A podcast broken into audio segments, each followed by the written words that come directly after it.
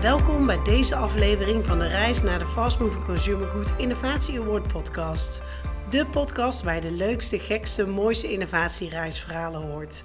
Want we herkennen allemaal, als reisleider of als onderdeel van het reisgezelschap, dat de innovatiereis vaak anders verloopt dan je vooraf denkt. Ik zit hier samen met mijn co-host Theo Toering en ik ben Suzanne van Hulten. Zoals jullie weten gaan we in gesprek met verschillende gasten over hun innovatieverhalen. En vandaag is dat Elvire Schlusser. Elvire heeft Wageningen Food Technology gestudeerd en naast een paar kleine uitstapjes altijd binnen food gewerkt. Begonnen als research manager bij Unilever en daarna aan de slag als NPD-manager bij Royal Friesland Campina. Daar kennen wij elkaar ook van. En volgens mij was dat het project Portie Toetjes, herinner ik mij nog. Daar komen we straks waarschijnlijk nog wel over aan het, aan het praten. Ehm, daarna heb je Technical Brand Manager Mars en Innovation Director bij Foodcase uh, gedaan. En dat is met name voor airports en planes segmentatie. Um, daarna voor zichzelf begonnen en gaan intrimmen met focus food innovatie leadership en innovation project management. En dat doet ze al bijna acht jaar bij bedrijven als Gotan, Nomad Foods, Unilever, Kraft Heinz, Dr. Utker en uh, Jacobs Douwe Egberts. Nou, en noem maar op. Kortom, heel veel ervaring, veel verschillende bedrijven van binnen gezien en altijd gericht op innovatie en renovation project delivery, zoals je dat zelf zo mooi noemt. Uh, nou, dat gaat vast een mooi gesprek opleveren. Welkom Elvire, leuk je te zien weer sowieso. Dankjewel, leuk om hier te zijn. Bedankt voor de uitnodiging. Welkom, leuk. Zou je ons eens mee kunnen nemen op jouw een beetje carrière-reis, Elvire?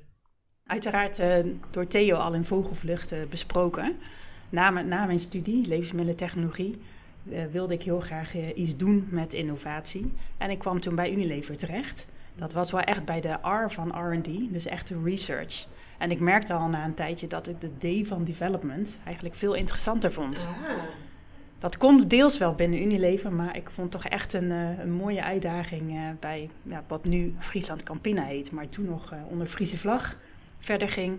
Was net een, een, fusie die had plaatsgevonden. Dus het was een nieuwe organisatie met een nieuw team, waarin we gingen bouwen aan allerlei innovatieprojecten. Met ook als doel, als productontwikkelaar voor mij, om dat op de markt te zetten. Dus daar zag ik echt mijn eerste producten uit de koken komen en in de winkel liggen.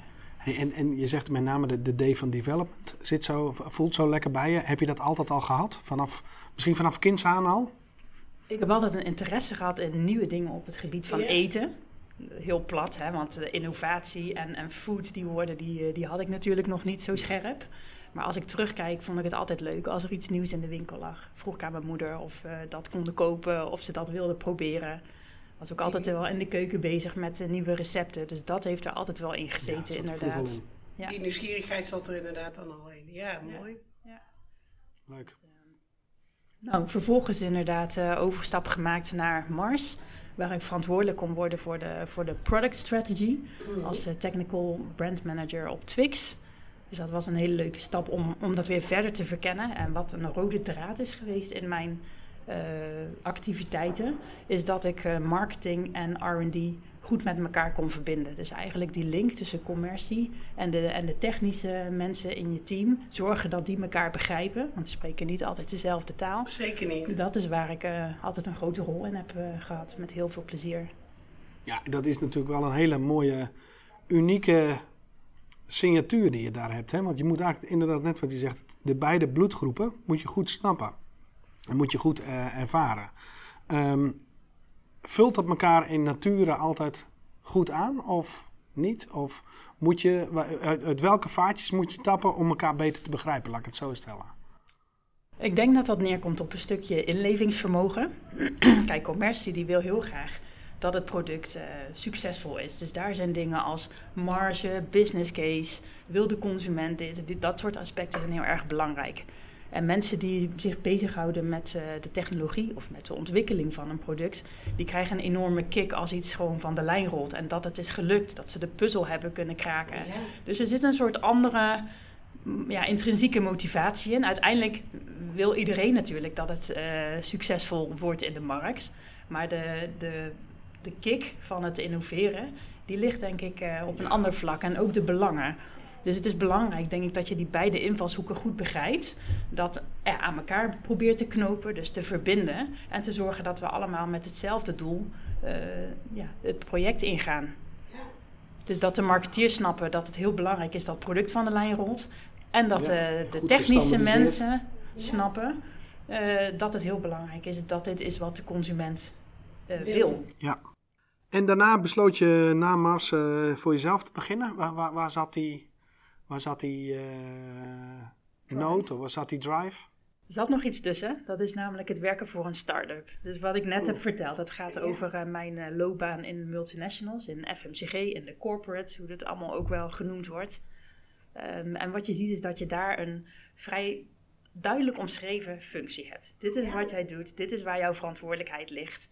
Als je inderdaad op een gegeven moment die interesse hebt in wat meer hè, marketing gerelateerde zaken, is daar wel iets ruimte voor, maar dat is beperkt. Dus om een keer helemaal aan de andere kant te zitten van het spectrum, om die ervaring op te doen, eh, ben Stretch ik. your comfort zone, hè? Nou, dat zeker. Ben ik met heel veel plezier bij een start-up eh, aan de gang gegaan. En daar was ik verantwoordelijk. Ik zeg het even goed. Alles behalve sales viel onder mijn verantwoordelijkheid. Dus eigenlijk de hele achterkant. Zo, Eh, dus productie, logistiek, nou, ja, Finance. innovatie, eh, finance, nou deels, deels verantwoordelijkheid dan. Eh, alles lag eh, bij mij. Dus het was niet zo dat je alleen maar de innovatieverantwoordelijke was. Eh, en zelfs ook HR. Ik moest natuurlijk veel mensen aannemen. waar een start-up die in een groeifase zat. Dus zorgen dat we de juiste mensen aan boord kregen. Daar ook zelf eh, naar op zoek gaan. En dat zelf mogen bepalen. Dat was natuurlijk heel erg mooi om te doen. Maar ook heel erg breed om te doen. Hoe was dat? Ik vond het erg leuk. Het was een soort avontuur wat ik instapte. Ik begon ergens aan. Ik, ik wist niet precies waar het eh, zou eindigen. Eh, maar dat is een hele mooie, leerzame tijd geweest. En, en wat ik daar vooral ook heb uitgehaald, is wat heb je nodig om een bedrijf te runnen? Wat komt er allemaal bij kijken? Want als start-up heb je natuurlijk met alle aspecten te maken van eh, het runnen van een bedrijf. Kan je een paar voorbeelden noemen wat je allemaal nodig hebt? Wat, wat je daar geleerd hebt? Hè? Dat je, Nou, dat varieert van het, eh, het, het, het opzetten van bepaalde bedrijfsstructuren. Eh, dus KVK-achtige dingen. Hoe zet je je bedrijf structuur op? Eh, maar ook finance. proberen een PNL goed uit te lezen. Die ervaring had ik deels al, maar dat werd nog iets meer verfijnd. HR, wat zijn de bandbreedtes van salarissen? Hoe ga je daarmee om? Eh, maar ook eh, als start-up heb je niet alles in huis. Dus bijvoorbeeld bepaalde kennis die wij nodig hadden, specifieke kennis om onze producten verder te ontwikkelen, die moet je ergens anders inkopen. ja. Dus hoe ga je daarmee om? Ik werkte veel samen met de Wageningen Universiteit. Ja. Hoe maak je daar afspraken Ja, over? Hoe ga je dan zo dat soort kenniscontracten aan? Dat, Ja. dat was voor mij heel iets nieuws. En Ja. dat- ik heb daar geleerd hoe, de- hoe je dat moet opzetten ja, mooi hoor. Ander onderdeel van een start-up is dat eh, nou ja, financiële middelen meestal niet toereikend zijn. Nee. Dus zijn er nog mogelijkheden om subsidies aan te vragen, bepaalde regelingen. Ja, Dus ik heb ook geleerd hoe ik eh, subsidietrajecten kon de aanvragen. bekende WBSO-uren waarschijnlijk. Of, Onder andere, maar Ja. ook bepaalde subsidiegelden die beschikbaar waren, eh, waar je dan allerlei voorstellen voor moest indienen. Dat was niet mijn hobby nee, dat overigens. is ook een vak apart volgens Dat mij. hè. is een vrij strak format waar je in moet. Maar op Ja. het moment dat dan zo'n subsidie werd eh, toegekend, dan was het natuurlijk wel weer kicken. Ja, en je blikveld wordt een stuk breder eigenlijk. Hè? Dus je hebt daar gewoon eh, aan je ervaring die je toen had, allerlei facetten toegevoegd. Ja, dat klopt. En toen de stap eh, gewaagd naar om het voor jezelf te doen en je kennis eigenlijk ter dienst te stellen van potentiële klanten. Ja. Maar kan je daar eens iets over vertellen hoe je tot dat, waarom je die stap genomen hebt?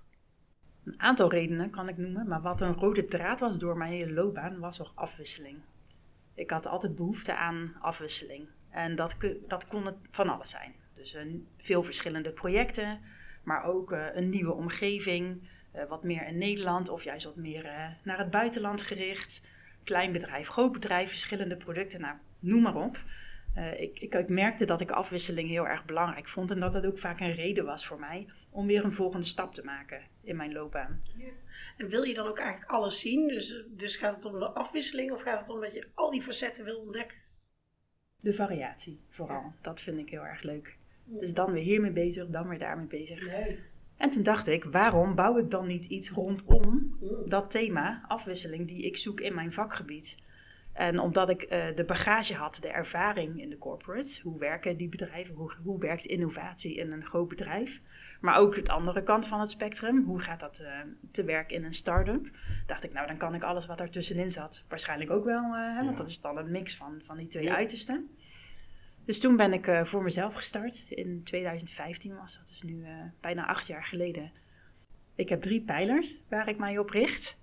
Eh, de eerste die is uh, lijnmanagement op het gebied van innovatie. Dus dat betekent dat je ofwel een RD-team of een, of een innovatieteam aanstuurt. De tweede pijler is projectmanagement, waarbij je dus de innovatieprojecten leidt en ervoor zorgt dat die tot een goed einde worden gebracht. En de derde pijler die noem ik dan meer consultancy. dat kan zijn advies geven over de bestaande innovatieprocessen binnen bedrijven, kijken waar verbetering is. Het kan ook zijn een bepaalde workshop uh, organiseren, dus dat is meer de, de overige hoek. Ja. En tot nu toe heeft me dat heel veel uh, afwisseling opgeleverd ja, bij een heel scala aan bedrijven die uh, Theo net heeft genoemd. Maar ook binnen bepaalde bedrijven heb ik al best wel veel verschillende dingen en programma's kunnen doen. Leuk. Dus dat, ja, dat is mooi, ik zit goed op mijn plek nu. En, en je doet dit acht jaar. Eh, kan je een kleine schets geven waarom klanten nou juist jou bellen? Je hebt die drie pijlers, maar ik kan me ook voorstellen dat nou, de, de meeste klanten bellen mij voor dit en dit en dit, omdat ik hier eigenlijk altijd in uitblink en altijd goed in ben. Natuurlijk ben je eh, in al die drie pijlers goed, maar kan je, kan je, waarom bellen de meeste klanten jou? Interessante vraag. Ik denk dat we klanten mij veel bellen omdat zij uh, ervan uit kunnen gaan dat ik ook betrouwbaar ben. Hmm. Dus als mij gevraagd wordt van kun je dit leveren, nou, dan kunnen ze erop rekenen dat het komt. Ja. Het is niet altijd makkelijk, er zullen altijd uitdagingen zijn, maar door daar gewoon ook open over te blijven, goed contact te houden met je opdrachtgever, als je iets tegenkomt wat niet loopt zoals gepland, hoe gaan we hiermee om? Dan weet ik uh, de projecten tot een goed einde te brengen of de opdrachten. En dat maakt dat mensen dan ook het vertrouwen in je krijgen van hé, hey, als we wel vieren vragen, dan, ja, dan is het goed. ja. komt het goed. Ja, nou ja, en ik, ik, ik ken je staat van dienst en je gaat ook heel vaak naar klanten toe en daarna over een aantal jaar kom je ook weer terug. En dus er zit ook best wel herhaling in en dat zegt natuurlijk genoeg over de kwaliteit die je levert bij, uh, bij klanten. Hartstikke mooi. Um, als we even specifiek inzoomen op innovatie. Hè. We hebben een podcast waarbij we de afgelopen afleveringen best wel veel commercianten aan tafel hebben gezeten. Ehm, jouw signatuur is niet per definitie commercieel, maar je kijkt wel naar de innovatietafel.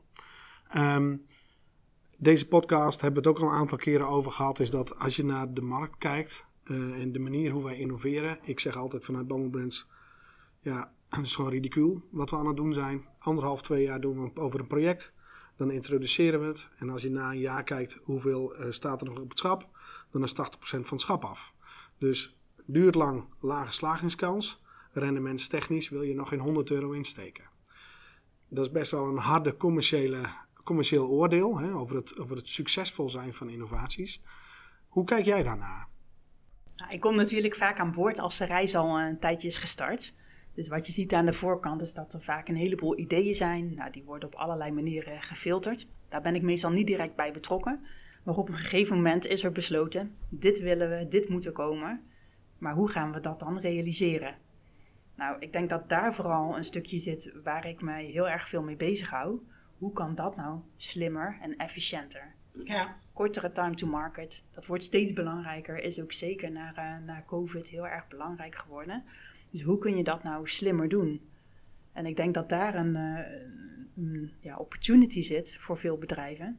Om dat beter te doen. Om dat beter te doen. Dus daar zie ik vooral uh, een stukje winst te behalen. En, en, natuurlijk, hè, eh, zeker ook de grote partijen die, uh, die, die we net genoemd hebben: Dr. Utker, Unilever, Kraft Heinz, Friesland Campina ook. Dat noemen wij altijd de grote tankers. En de tankers willen altijd de speedbootjes worden en de speedbootjes willen altijd de tankers worden. Um, alleen daar zit natuurlijk ook wel wat dingen tussen. Hè? Hoe kan je nou de best of both worlds eigenlijk implementeren in een innovatieproces? Um, ik denk dat dat ook een van de grootste vraagstukken is die jij vaak wel krijgt. Hè? Hoe kunnen wij, en wat je net ook zegt, hoe kunnen wij het innovatieproces versnellen? Heb jij daar uh, tools voor ontwikkeld? Heb je daar handvaten voor ontwikkeld? Waarbij we de luisteraar bijvoorbeeld een, een, een, tipje van de sluier weg kunnen geven. Als je dat toepast, dan maak je, heb je eigenlijk al quick wins te pakken in je totale innovatieproces. Ja, ik denk dat het, uh, het hebben van een, uh, een duidelijk plan, dat dat heel erg bijdraagt aan succes. Je ziet natuurlijk dat tegenwoordig agile een beetje een, een buzzword is, maar agile betekent niet dat je geen plan hebt. Ook op die manier heb je, je, heb je een plan. Ja.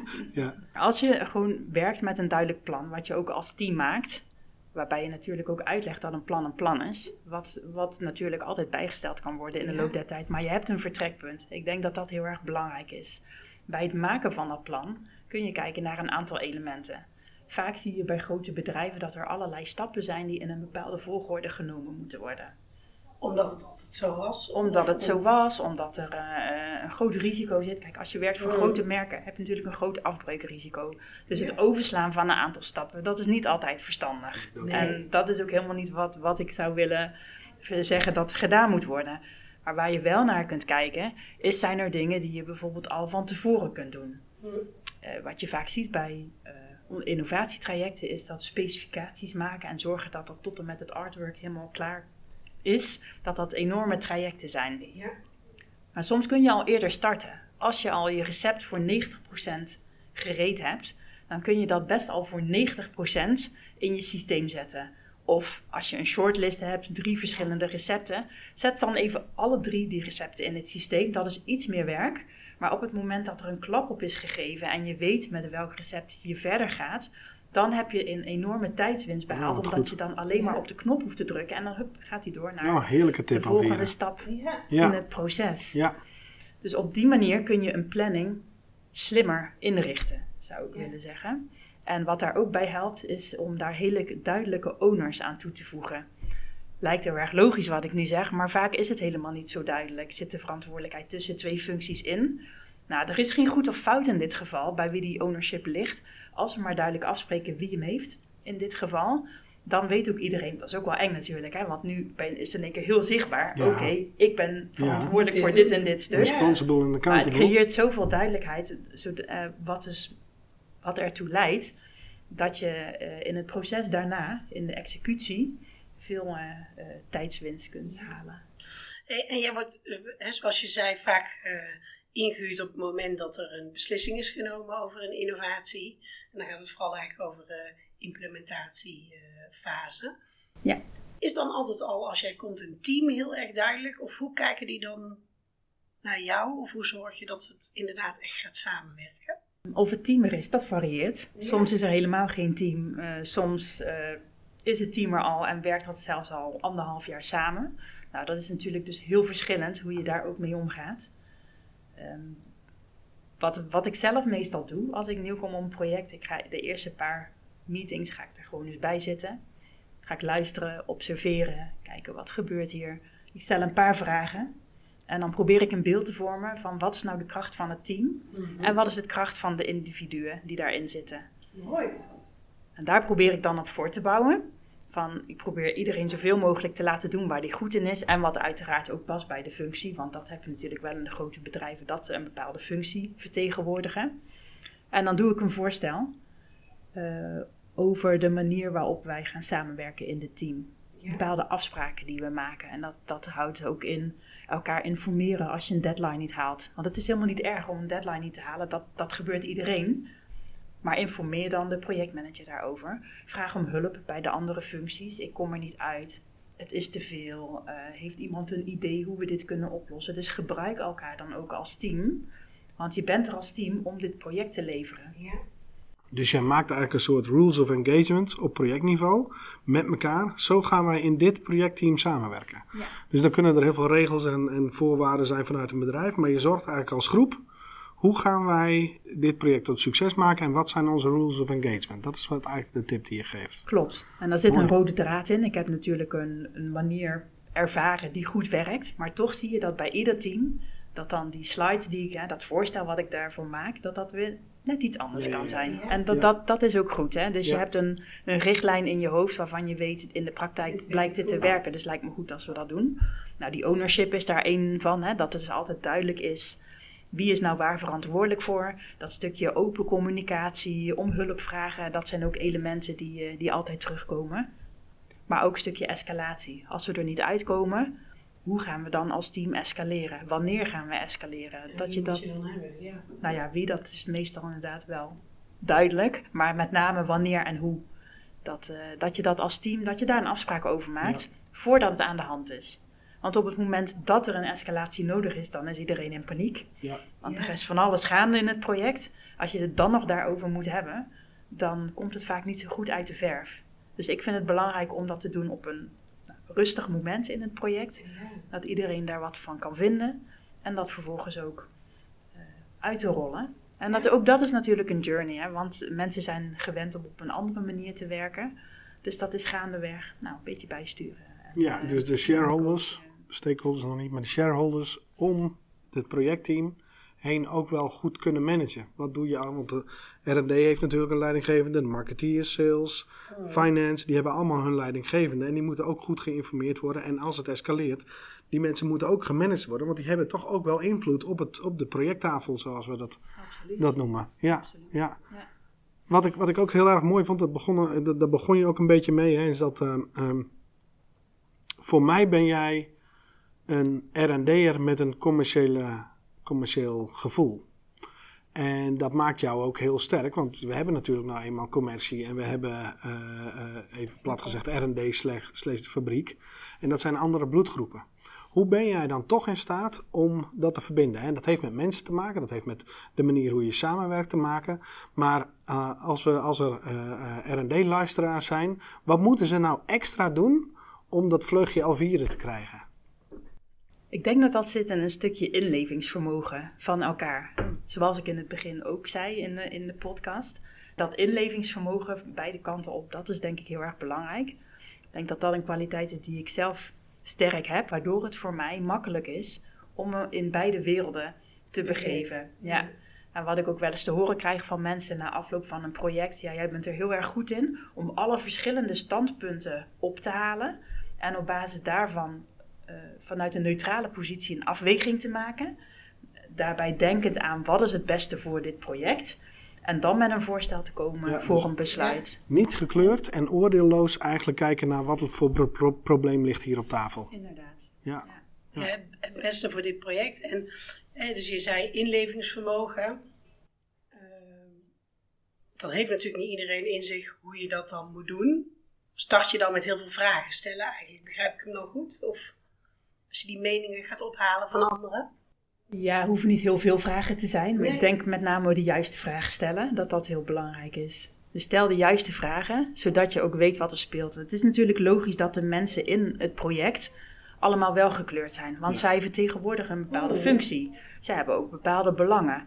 En die belangen zijn vaak in een bedrijf conflicterend. En dat moet ook, dat is de gezonde spanning die er ook heerst tussen eh, techniek en commercie. Levert ook goed resultaat uiteindelijk. Precies, omdat je dan dat, dat goed uitbalanceert en die discussies eh, ook kunt hebben. Soms kan je het eens zijn dat je het niet eens bent.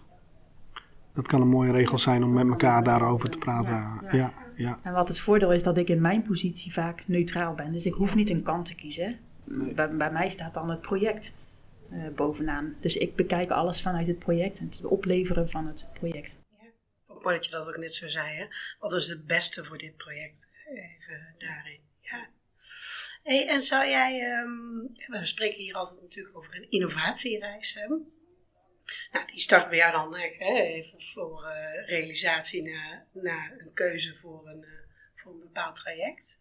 Kun je ons eens meenemen op een van jouw fa- favoriete momenten? Of wat vind jij het leukste binnen zo'n reis?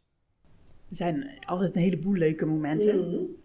En toch denk ik dat het, het het allermooiste is, is als je een hele moeilijke puzzel hebt gekraakt. Dus wat dat betreft zit ik dan Toch? ook wat meer aan die kant. En wat, wat die puzzel is, dat kan van alles zijn natuurlijk. Dat kan een technisch vraagstuk zijn of een commercieel vraagstuk.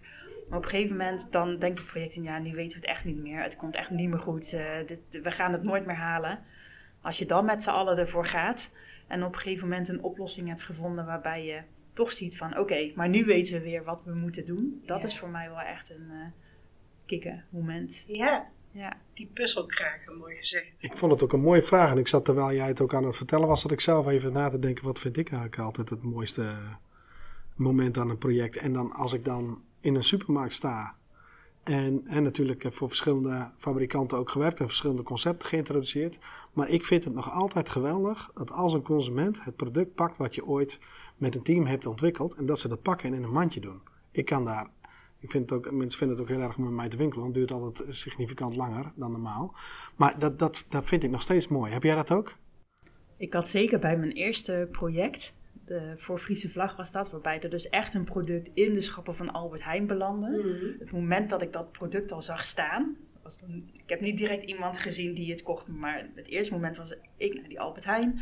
Ik zag het in het schap staan, ja, toen dacht ik, echt, oh, dit, hier heb ik aan bijgedragen. Ja, dat dat ja. was wel echt een eh, fantastisch mooi moment. Moet ik eerlijk zeggen, op een gegeven moment dan bij de twintigste keer is dat, is dat anders dan bij de eerste keer. Maar die eerste keer, dat vergeet je echt nooit meer. Nee, mooi hè?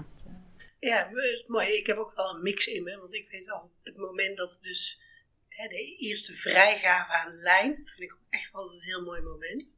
Want dat is inderdaad mooi in die mix tussen uh, technical en eh, commercieel. Dat vind ik eigenlijk ook altijd heel erg mooi. En als het zo heel mooi in het schap staat in de winkel. Goed uitgefeest. Goed uitgefeest, klopt helemaal. Vind ik altijd ook echt een mooi moment. En als het niet goed eh, staat, dan ga je natuurlijk even spiegelen. Ga je het zelf doen, hè? De beroepsinformatie daarin. En, en nou, nou hebben we het hier eh, tijdens de podcast ook vaak over een, eh, een fuck-up. Ah, in, een, in een proces. Heb jij een, eh, eh, een, een fuck-up meegemaakt in je carrière? Niet zozeer van, oh, oh jeetje, heb je dat gedaan? Maar meer om er wat van te leren. Kan je een voorbeeld noemen van een project? Ja, ik denk dat als je werkt in corporates, heb je altijd te maken met een eh, bepaalde dynamiek. Namelijk global en de landen. Ja. En eh, Global heeft iets heel moois bedacht. En zo gaan we het doen. Dit gaat het worden. En vervolgens ga je in gesprek met landen om het ook intern te verkopen eigenlijk. Je, je idee, je concept, je product. En wat je dan ziet is dat eh, nou, Duitsland die wil eh, eigenlijk 50 gram meer erin. Een ander land die zegt ja dat is leuk dat het een eh, overbestendige verpakking is. Maar in mijn geval, mm, ja mijn consumenten die warmen dat op in de magnetron. Dus ik kan eigenlijk niks met die verpakking. Dat moet aangepast worden. En zo komen er allerlei uitzonderingen.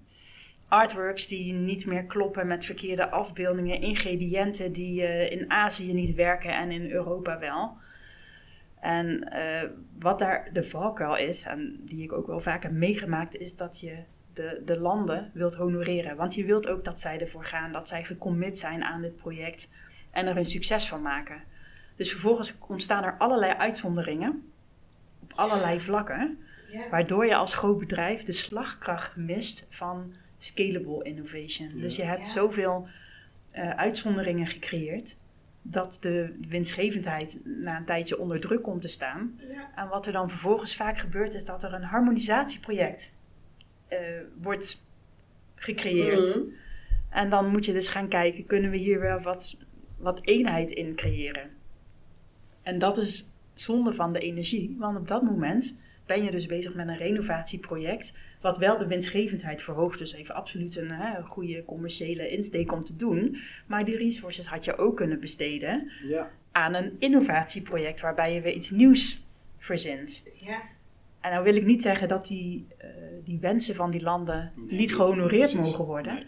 Alleen het tijdstip waarop die wensen komen, dat is vaak te laat. Ja. Dus waar ik dan, wat ik zou willen meegeven aan de luisteraars, is dat het heel belangrijk is dat je op een gegeven moment met al die landen een soort lock-moment afspreekt of een sign-off. Ja. Zo gaat het eruit zien. Deze verpakking. Ja. En dit wordt het. Ja. En dat er wel echt een hele goede reden moet zijn na die tijd om daar nog van af te wijken. Ja. Er kan natuurlijk altijd een uitzondering zijn, dus ik Ja. wil niet helemaal de deur dichtgooien. Nee, en dan kan je dan ook nog gewo- gewogen doen met de lead countries. Die hebben een wat zwaardere stem. En de wat minder eh, grote landen, die hebben een wat minder grote stem. Dat je hem ook gewogen goed kan nemen. Bijvoorbeeld. Ja, Het, en het ligt ook echt aan de vraag, dat moet je ook per geval bekijken. Ja. Eh, maar ik zou daar wat terughoudender in Ja. zijn nu, om al die uitzonderingen maar Nou. klakkeloos te honoreren om de markten en de lokale markten tegemoet te komen. Dat, eh, Het is grappig dat je dit zegt. Ik had vorige week met een, eh, een global klant een, eh, een, een gesprek. En die zei van, je hebt Azië, je hebt Amerika en je hebt Duitsland, Nederland, Frankrijk, Spanje en Italië. Met andere woorden, Europa, dat is helemaal niet Uh, een eenheidsworst. Iedereen die wil wat anders. Uh, bepaalde pasta's die zitten in karton verpakt in Nederland. Of juist niet in Nederland. En in Italië zit het allemaal in karton verpakt. Maar in Nederland zijn het allemaal flowpacks. En dus dat werkt voor ons helemaal niet. Al dat soort ja, lokale doorvertalingen die, ja, een, een, een, een, die local vaak wel nodig heeft. Om ervoor te zorgen dat die aansluiting met de categorie in die, in die regio, maar wel zo goed mogelijk is. dus, dus, en ik zeg zeker niet dat je geen gelijk hebt, maar ik denk dat we elkaar net al wel gevonden hebben. Als je zegt, um, heb een, heb een login van tevoren, dus dat, dat, dat de locals echt wel mee kunnen bespreken en uh, die, die punten uh, in kunnen geven. En bepaal hem dan gewogen van als wij dit willen doen. Dan kan het dus betekenen dat, nou laten we het even makkelijk doen, dat België niet meedoet met deze volumes. En dan moet je die ook accepteren. Want een eenheidsworst creëren voor heel Europa, dat, dat, is wel, dat is, moet in eerste instantie wel je vertrekpunt zijn. Maar heel vaak wordt het worstje wel wat kleiner als je verder uh, bent. En dat, ja, dat, dat is wel gewoon heel lastig in een Europese markt. Ja, klopt. Ja. ja. ik denk dat eh, bijvoorbeeld, neem het geval van die verpakking. Je kunt natuurlijk als je die requirements aan het begin van je traject weet, zou je een verpakking kunnen maken die beide aspecten in zich heeft. Hmm. Alleen op het moment dat je daar pas van hoort, uh, op het moment dat alle verpakkingsmaterialen al uitontwikkeld zijn en ingekocht en al in de fabriek liggen, ja, dan is het te laat. Ja. Uh, dus het heeft ook te maken met een stukje timing. Absoluut. Je kunt alle wensen uh, ja, beoordelen en al dan niet meenemen. Die, maar doe dat in, een, in een voortijdig precies, stadium. Ja, een fantastische tip, want dit soort fouten horen vandaag de dag niet in een innovatieproces dan heb je niet een goed innovatieproces als je dat op die manier doet. Ja, mooie tip. Mooi. En um, je hebt al een paar dingen benoemd, hè, echt als uh, tip. Hè, dus uh, vooraf al uh, systemen gaan vullen met data hè, en ehm, duidelijke owners. Ook zo'n login moment is een heel mooi voorbeeld van tip en trick. En waar valt of staat met jou zo'n innovatiereis mee? Wat is het allerbelangrijkste? Ik denk niet dat je echt één ding kan noemen dat het allerbelangrijkste is. Uh, maar het, uh, het team, de mensen met wie je het doet, mm. een stukje uh, intrinsieke motivatie. Dat is wel echt heel erg belangrijk in een team. Ook een stukje vertrouwen in elkaar. Het team zou een veilige omgeving moeten zijn, waarbij je dus ook de hulpvraag kunt stellen. Je hoeft niet alles alleen te doen. Als je er niet uitkomt, we zijn een team. Vraag ook gewoon om hulp. En dat zijn ook wel zinnen die ik in mijn teammeetings best wel vaak nog een keer herhaal. Voor mij is het heel logisch. Maar ik wil ook echt de teamleden stimuleren om er zo in te zitten. Ja, mooi. Mooi. En wat je zei, dat is het eerste wat je doet. Hè? Dus de kracht van het team en van die individuen uh, beoordelen en uh, dat inzetten. Ja, het team corrigeert zich dan ook. Je hebt er altijd wat minder goede talenten bij zitten en altijd wat beter goede talenten. En uiteindelijk zorg je er dan wel voor dat het gemiddelde van het team ook echt gewoon goed blijft. En dat, want je kan het dan uiteindelijk niet maken als je die afspraken met elkaar niet gemaakt hebt. Of dat je iets niet gedaan hebt en dat van tevoren niet gemeld is. Hè? Dat, als je dat van tevoren met elkaar hebt afgesproken. Dus dan kan zo'n heel team die persoon ook. Dat is een soort sociale druk wat je gebruikt natuurlijk. Om ervoor te zorgen dat de deliverables verhoogd worden. Ja. Ja. Maar het kan ook zijn uh, het team uitbreiden. Als het blijkt dat we gewoon echt een, uh, een gap hebben in het team. Dat we zeggen, maar die persoon moet erbij. Of die functie. Of iemand met die eigenschappen moet erbij. Um, 80% faalt. In, uh, dat is niet alleen een Nederlands probleem, dat is een Europees probleem, zelfs een wereldwijd probleem. Um, hoe kan het nou dat er zoveel producten falen in jouw optiek? Ik vind dat moeilijk om daar heel duidelijk iets over te zeggen. Want zoals gezegd, vaak hebben andere mensen al bedacht dat er iets moet komen. En ik zorg er dan voor dat dat gerealiseerd wordt. Uh, aan de andere kant zou je ook kunnen zeggen: het is ook wel een beetje van deze tijd dat je rotatie hebt van bepaalde dingen van smaken die in- en uitwisselen. Er zijn allerlei trends. Dan is er weer iets op social media wat een hype is. Limited editions. Ja, dus wat ik zou zeggen, kijk, het feit dat, dat er producten roteren aan zich vind ik niet heel erg, zie ik niet als falen, om heel eerlijk te zijn. Wat ik dan zou doen aan de voorkant, dus aan het proces, kun je dan een proces bedenken waarbij je sneller kunt roteren. Ja. En er zijn bedrijven die daar hele mooie oplossingen voor hebben gevonden. Bijvoorbeeld uh, door trends heel nauw te volgen, door een uh, productielijn in te richten, zodat je heel lang met een basisproduct werkt en pas op het einde uh, de uiteindelijke smaak gaat customizen, dus realiseert. Dus ik denk dat je meer, ja, ik denk aan de ene kant dat je moet accepteren dat eh, producten in en uit de schappen komen. En dat je erover kunt nadenken, maar hoe kun je dat dan aan je voorkant, dus qua proces, zo goed mogelijk ontwerpen, zodat je in staat bent om daar sneller op in te spelen. Ja. Als je kijkt naar eh, jouw ervaringen, Elvira, heb je natuurlijk uh, afgelopen jaren heel veel verschillende bedrijven uh, aan binnenkant, ja, van binnen gezien. Um, wat is dan gebeurd aan dat RD-proceskant qua ontwikkelingen de afgelopen jaren? Nou, wat je ziet is dat veel bedrijven steeds meer werken met een, een IT-oplossing. Mm-hmm. Als je kijkt naar productont productontwikkeling, dat, dat genereert enorm veel data. Wat vaak heel erg lang duurt, tijdens productontwikkeling is het doen van houdbaarheidstesten. Zeker als je een lange houdbaarheid meegeeft op je producten, soms wel tot twee jaar. Inmiddels heb je zeker binnen die corporates enorm veel data, want er zijn al zoveel producten ontwikkeld, er zijn al zoveel testen gedaan. Dat kun je natuurlijk modelleren. Dus dat betekent dat je op basis daarvan al veel sneller een bepaalde voorspelling kunt doen over bepaalde zaken. En ja. houdbaarheidstest is daar één voorbeeld van. Maar denk ook aan het ontwikkelen van de recepten. En dan bedoel ik niet tot in de laatste 100% de smaak fine-tunen, maar het skelet van een product mm. kun je laten berekenen door receptuurmodellen. Je hoeft niet meer in de keuken allerlei trial and error dingen te gaan doen. Maar daar zijn modellen voor. Er zijn databases voor die je kunt gebruiken. Dus het, het, het inzetten van ja, IT-componenten, uh, databases, modelleren.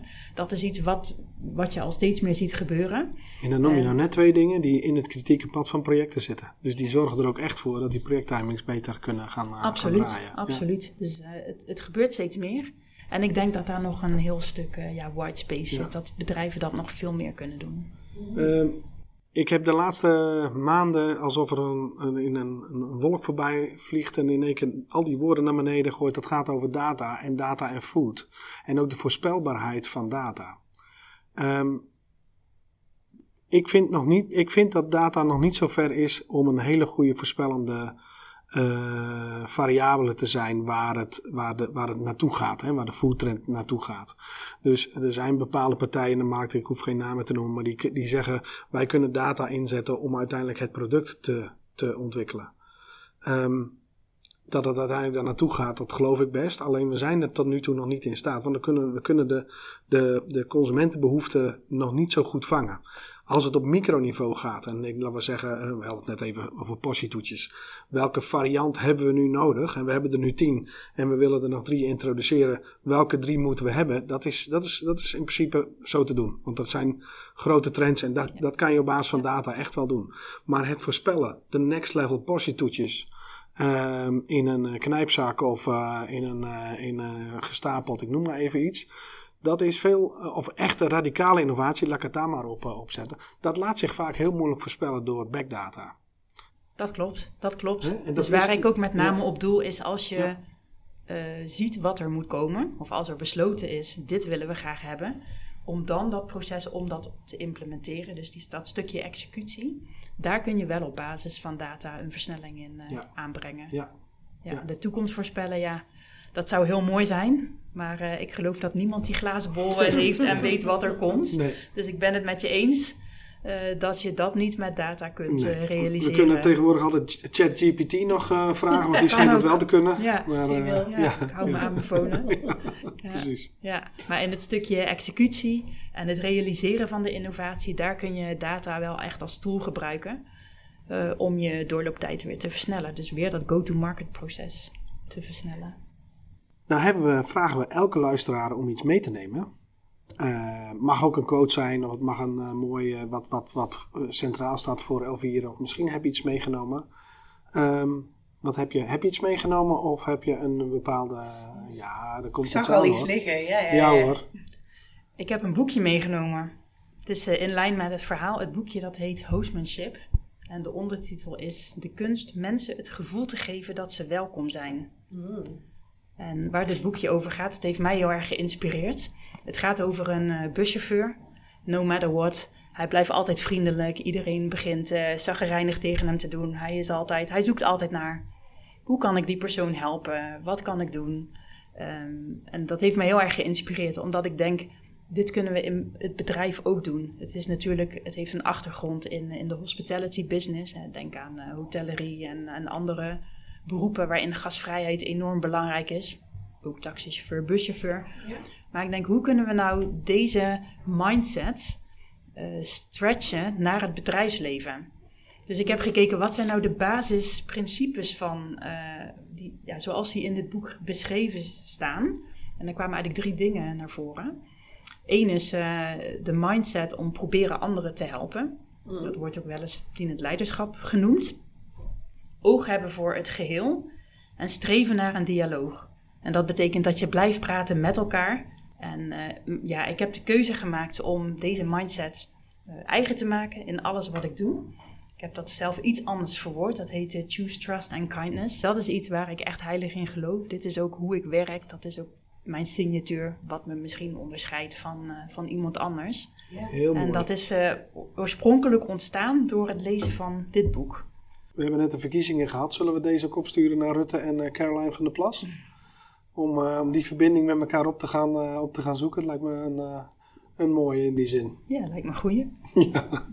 Nee, maar hartstikke leuk. Echt een hele mooie, mooie gift. Ik denk dat we ook de schrijver en uh, misschien het, uh, het, uh, het, nummer en de, de titel nog even in de, in de comments gaan, gaan zetten van deze podcast. Want dat is een hele mooie tip. Ja, dank. Zo komt je ook mooi rond, hè? Dus dat je zegt choose trust and kindness. En dat je dat ook is hoe je eigenlijk al je projecten start. Met eerst kijken naar de mensen en dat daarin mee te nemen. Heel mooi. Zijn wij nog iets vergeten? Is er nog iets wat de luisteraar over jou zou moeten weten? Wat wij niet, niet naar voren is gekomen? Ik zou nog wel iets willen meegeven aan de, aan de lijnmanagers van de luisteraars. Want we hebben het natuurlijk altijd over de luisteraars, maar er is natuurlijk ook iets voor de lijnmanagers. Ja, die stiekem ook luisteren hoor. Ja. Precies. Nou, die bepalen vaak waar iedereen aan werkt. En wat ik heel vaak zie bij grote bedrijven, is dat er enorm veel projecten aan mensen worden toegekend. Maar daardoor wordt het natuurlijk heel erg moeilijk om te focussen. Je hebt dan zoveel verschillende dingen. Je moet ook continu schakelen tussen alle projecten. Je hebt hele lange to-do-lijstjes. Daardoor duurt het vaak heel lang uh, voordat je een bepaalde taak hebt afgerond. Niet omdat die taak zoveel werk kostte, maar omdat er eerst nog negen andere dingen op je lijstje staan. Dus wat ik zou willen meegeven aan de lijnmanagers is kijken of je grotere projecten kunt doen die je dan bundelt waarbij je mensen dus een beperkt aantal projecten geeft, zodat ze kunnen focussen en continu met de juiste dingen bezig zijn, in plaats van al die versnipperde aandacht over alle projecten die vast wel enigszins belangrijk zijn. Probeer daar wat uh, meer uh, ja, boldere keuzes in te maken. Less is more. Duidelijke keuzes. Bold choices. Ja, want uiteindelijk is focus ook heel erg belangrijk om je doorlooptijd te versnellen. Daar ben ik van overtuigd. Ja, ja, het, het, uh, het zorgt eigenlijk voor een. Uh, je kan nog zo'n mooi proces hebben. Hè? Je hebt een aantal optimalisaties uh, in deze podcast aangegeven, maar je kan nog zo'n mooie inrichting hebben, een hele snelle time to market papier kunnen hebben. Maar als de mensen niet tot hun taak uitvoer kunnen komen, dan, dan werkt het niet. En dat is met name je laatste toevoeging die je nog geeft. Dus, Klopt. En wat ik vaak terugkrijg van de teamleden is dat zij niet in staat zijn om dat te veranderen. Nee. Ja. nee omdat nou, zij... prachtige oproep. Ja. Elvire, dank voor dit, uh, dit leuke gesprek. Heel veel tips en, uh, en, tricks waar de luisteraars uh, zeker blij mee, mee, zijn. En dank je voor de dynamiek ook. Dankjewel. Heel mooi. Dankjewel. Dank je. Ook bedankt. Dankjewel voor het luisteren naar deze aflevering van de Reis naar de Innovatie Award podcast. We hopen dat jullie net als ons hebben genoten. We kijken uit naar de volgende aflevering en zijn altijd op zoek naar de mooiste, gekste innovatiereisverhalen. Laat je ons weten wat je van deze aflevering vindt. En heb je zelf een reisverhaal wat je met ons wilt delen? Laat het vooral weten. We spreken je graag en tot de volgende podcast.